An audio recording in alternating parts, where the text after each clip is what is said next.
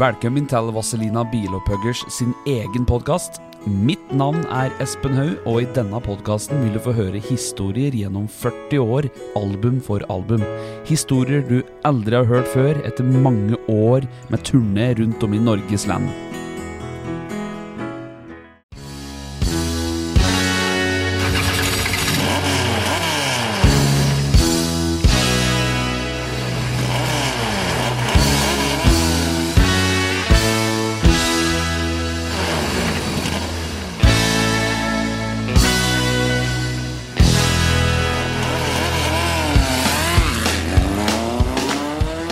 Vazelina-podden.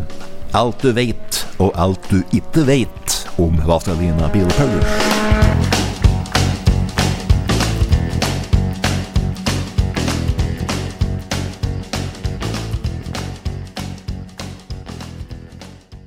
Når vi prater på historien bak Vazelina Bilopphuggers og forløpet til Vazelina Bilopphuggers, så kommer vi ikke utenom eh, tekniker Atle Marking. Åssen er det med deg? Jo, her sitter jeg i Oslo på fasttelefon og prater Ja. med deg. Du har jo egentlig toppet karrieren som tekniker, for du fikk jo jobb i NRK så fort du var ferdig på videregående. Og så har du vel stiget litt i systemet der. Åssen Ja, ja. yrkestittel er det du har nå? Jeg er egentlig programingeniør, og jeg jo eh, redigerer og redigerer TV-programmer. Men nå i det siste så har jeg jo drevet en del med vaktplan og bookingsystemer òg, da. Men uh, parallelt med dette her, da, så har jeg jo drevet med i bandbransjen da, siden midten av 70-tallet. Det var vel da vi møttes en gang òg, på Lena Ja. ungdomsskole. Ja, gikk på ungdomsskolen med å lese eh, brosjyrer. Husker jeg Husker vi satt på skolebussen og leste brosjyrer om Sanio-forsterkere og tannbærforsterkere. Var det 0,5 forvrengning, eller var det 1 forvrengning? Og I dag så skjønner vi jo det er egentlig bare noe tull, men det, det var litt alvor det for oss tenåringer. Ja da, og du var opptatt av eh, grammofonplater og eh, hastigheten på, på rillene inne og ute på plata. Det hadde du mange teorier om hvordan det virker. Jeg husker dere for, for, forklarte og tegnet på bussen. Ja, men dette er en eh, virkelighet òg, skjønner du. For jeg har jo master vinylalbum. Og det er slik at uh, plata, den, den hastigheten gjennom rillen er jo høyest ytterst. Ja, Så går det saktest innerst, slik at du har best lyd ytterst på blåta. Så hvis en kan ha låter med, som kan låte finest, så legger en det ytterst eller nest ytterst. da. Hvis du skal ha en tittellåt, så Der ble alltid som regel lagt nummer to på sida. Og så prøvde vi å finne den beste låta som nummer én på sida. Og så hvis det var noen låter som hadde mye perkusjon og rytmeinstrumenter, så ble det lagt helt innerst på vinylplata. For da, i tilfelle det ble produksjonsfeil i vinylen, så hørte du det ikke så godt. Knitringa. ja du var i hvert fall opptatt av dette allerede på ungdomsskolen, så det var gjort eh, inntrykk.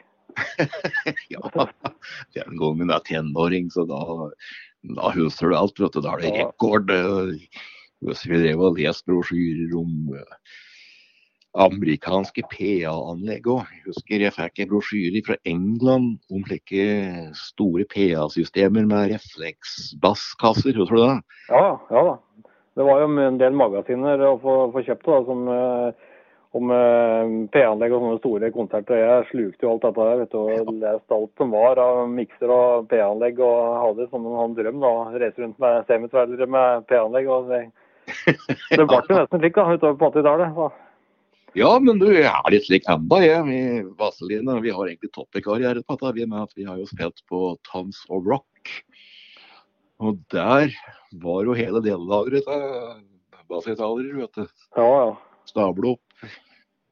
Flere, flere semier bærer med bassgitarere.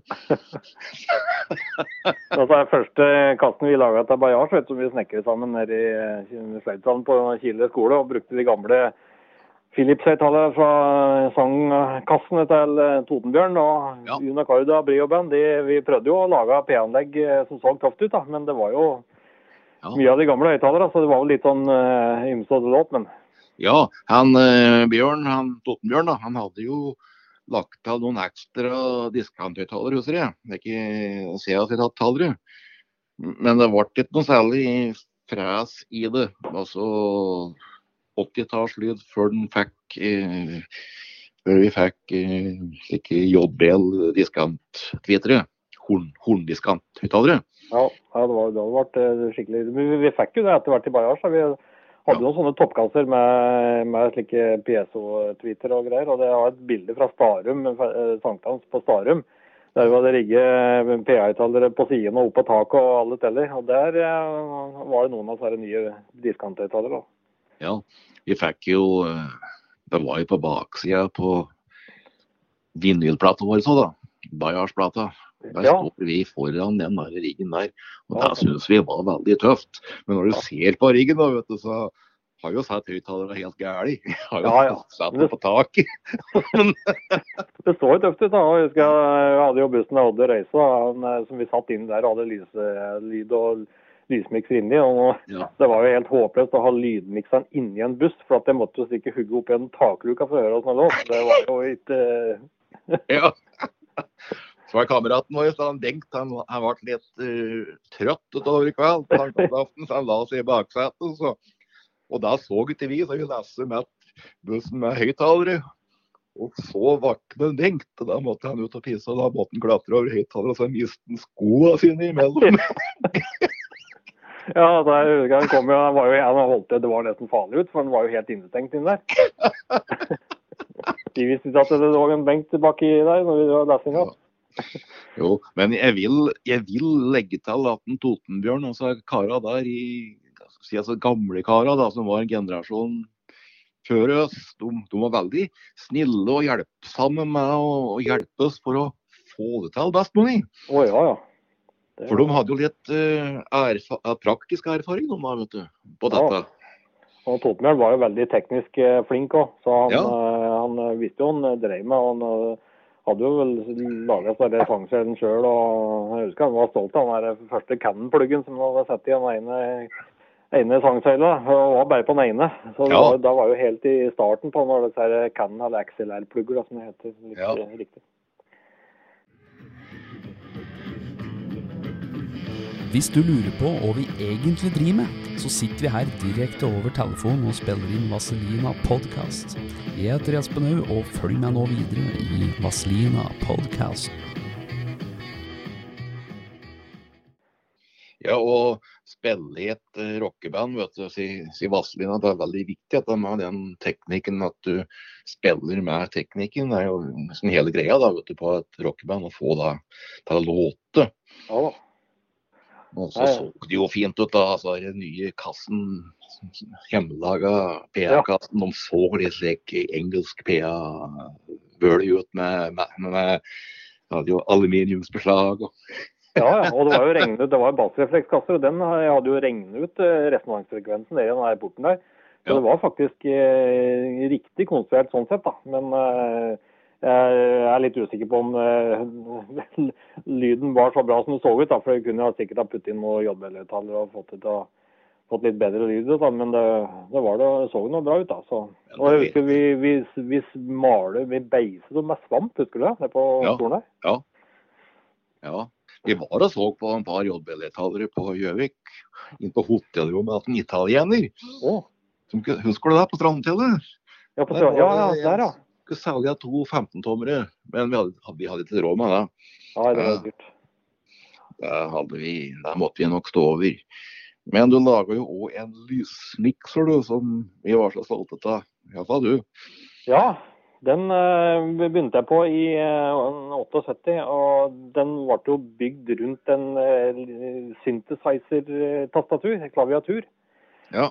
Så eh, det var en 20-kanals uh, lysmikser da, som eh, kunne spille på, så det, det var jo et lysorgel i, i, i bokstavelig eh, forstand. Ja. Og uh, denne her drev vi og flikke på og bygde på mye sånn eh, digitale greier etter hvert, da, slik at lyset kunne gå i forskjellige mønstre og sånn.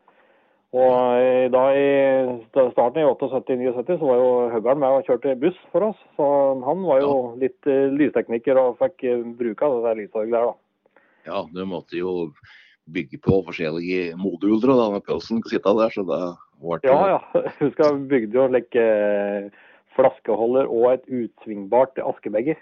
Som Ja. vi hekte på den lysmikseren. Det tror jeg var, hadde premiere på den der konstruksjonen der på Beitostølen. Da satt eh, jeg og Høggern eh, rett ved siden av og to meter foran scenen. noen spillejobb oppå der. Pølsen hadde askebeger montert i 19-tons rekk, var det det? Ja.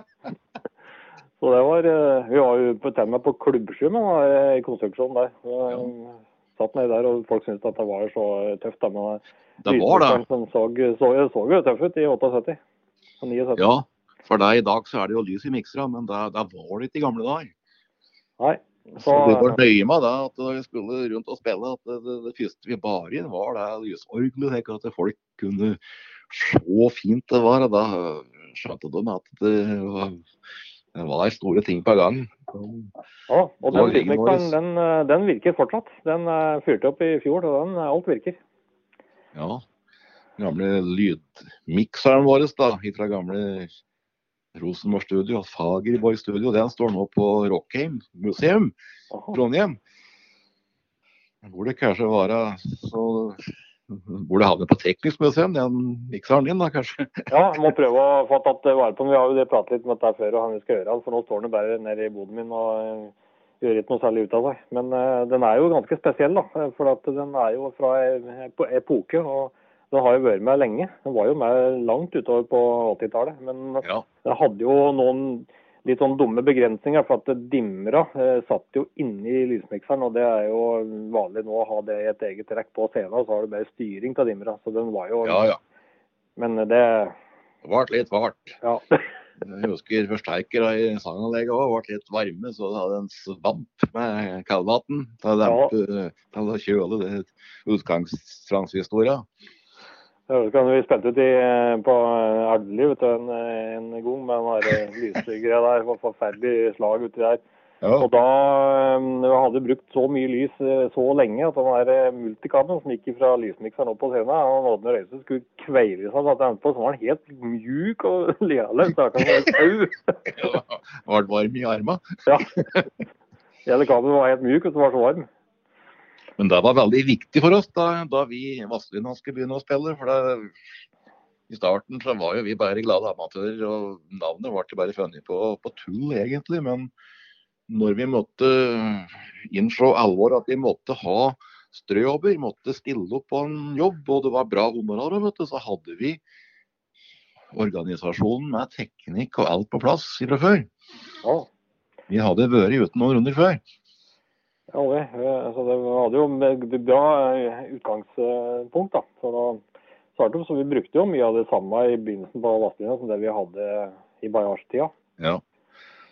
Og så kunne vi teknikken godt, da. Vi hadde jo laga det sjøl. Altså, da var det noe som røyk sunt. Det, det hendte jo at ting røyk sunt i gamle dager, da, vet du. Når det var ja. analoge apparater, at vi fikk reparert og vi fant en løsning. Ja, da. Vi drev jo nede i eh, eh, på gymsalen på Kile skole vet du, innimellom og rigge opp denne PA-en og drev der og målte med oscilloskop og eh, fase inn høyttalere og alt mulig. Så da vi tok det jo ganske seriøst da, for å få Ja. det til å bli eh, optimalt. Ja, vi spilte jo uh, musikka vi da, vet du, over PA-en. For Ja. å teste PA-en. Ja, sto med hele hugget inne i basshøyttaleren. Jeg husker jeg kjente det bare rumle i magen. Jeg husker det var en, var en trommesolo på albumet Dark Horses, var det ikke det? By Wild, heter det noe? Eller var det Quincy Jones, tror jeg. Vi spilte mye med Quincy Jones nede der òg. Jetro Tull. Ja, det var det kanskje. Ja da, så det ble Eddie eh, Horses var det trommesolo. Ja. Ja, vært mye prøving og mye justering nede i eh, gymsalen der. da. Så det sto jo, jeg husker vi drev med dette, vet du, unga klatret opp på veggene der, vet du, og inn på vinduet og lurte på hva som foregikk der. Vi drev der på Ja. teste PA. Men det var litt ny tid, for da da vi havnet i 1980, så var det litt ny tid med at Vazelina var jo ikke noe danseband.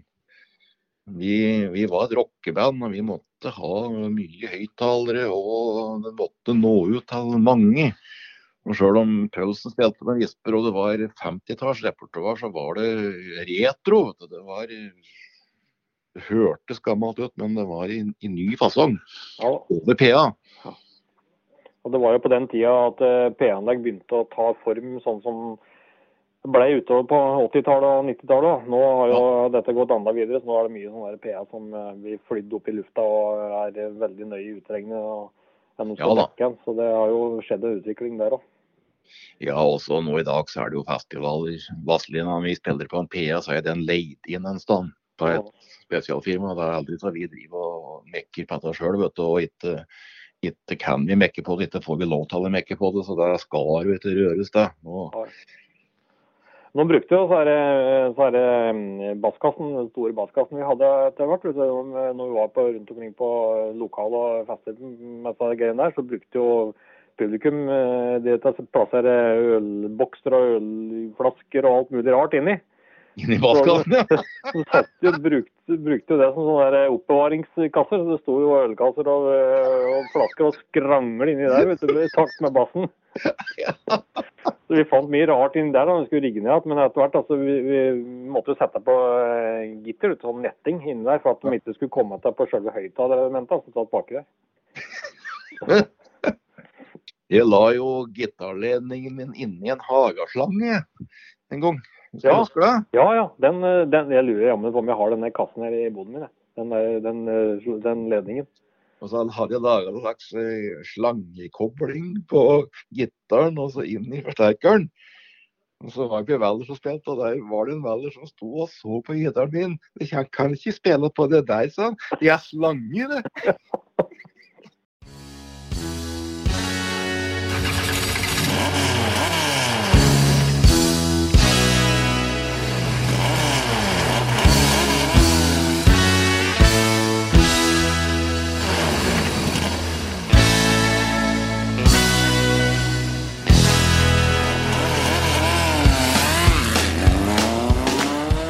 Vazelina-podden.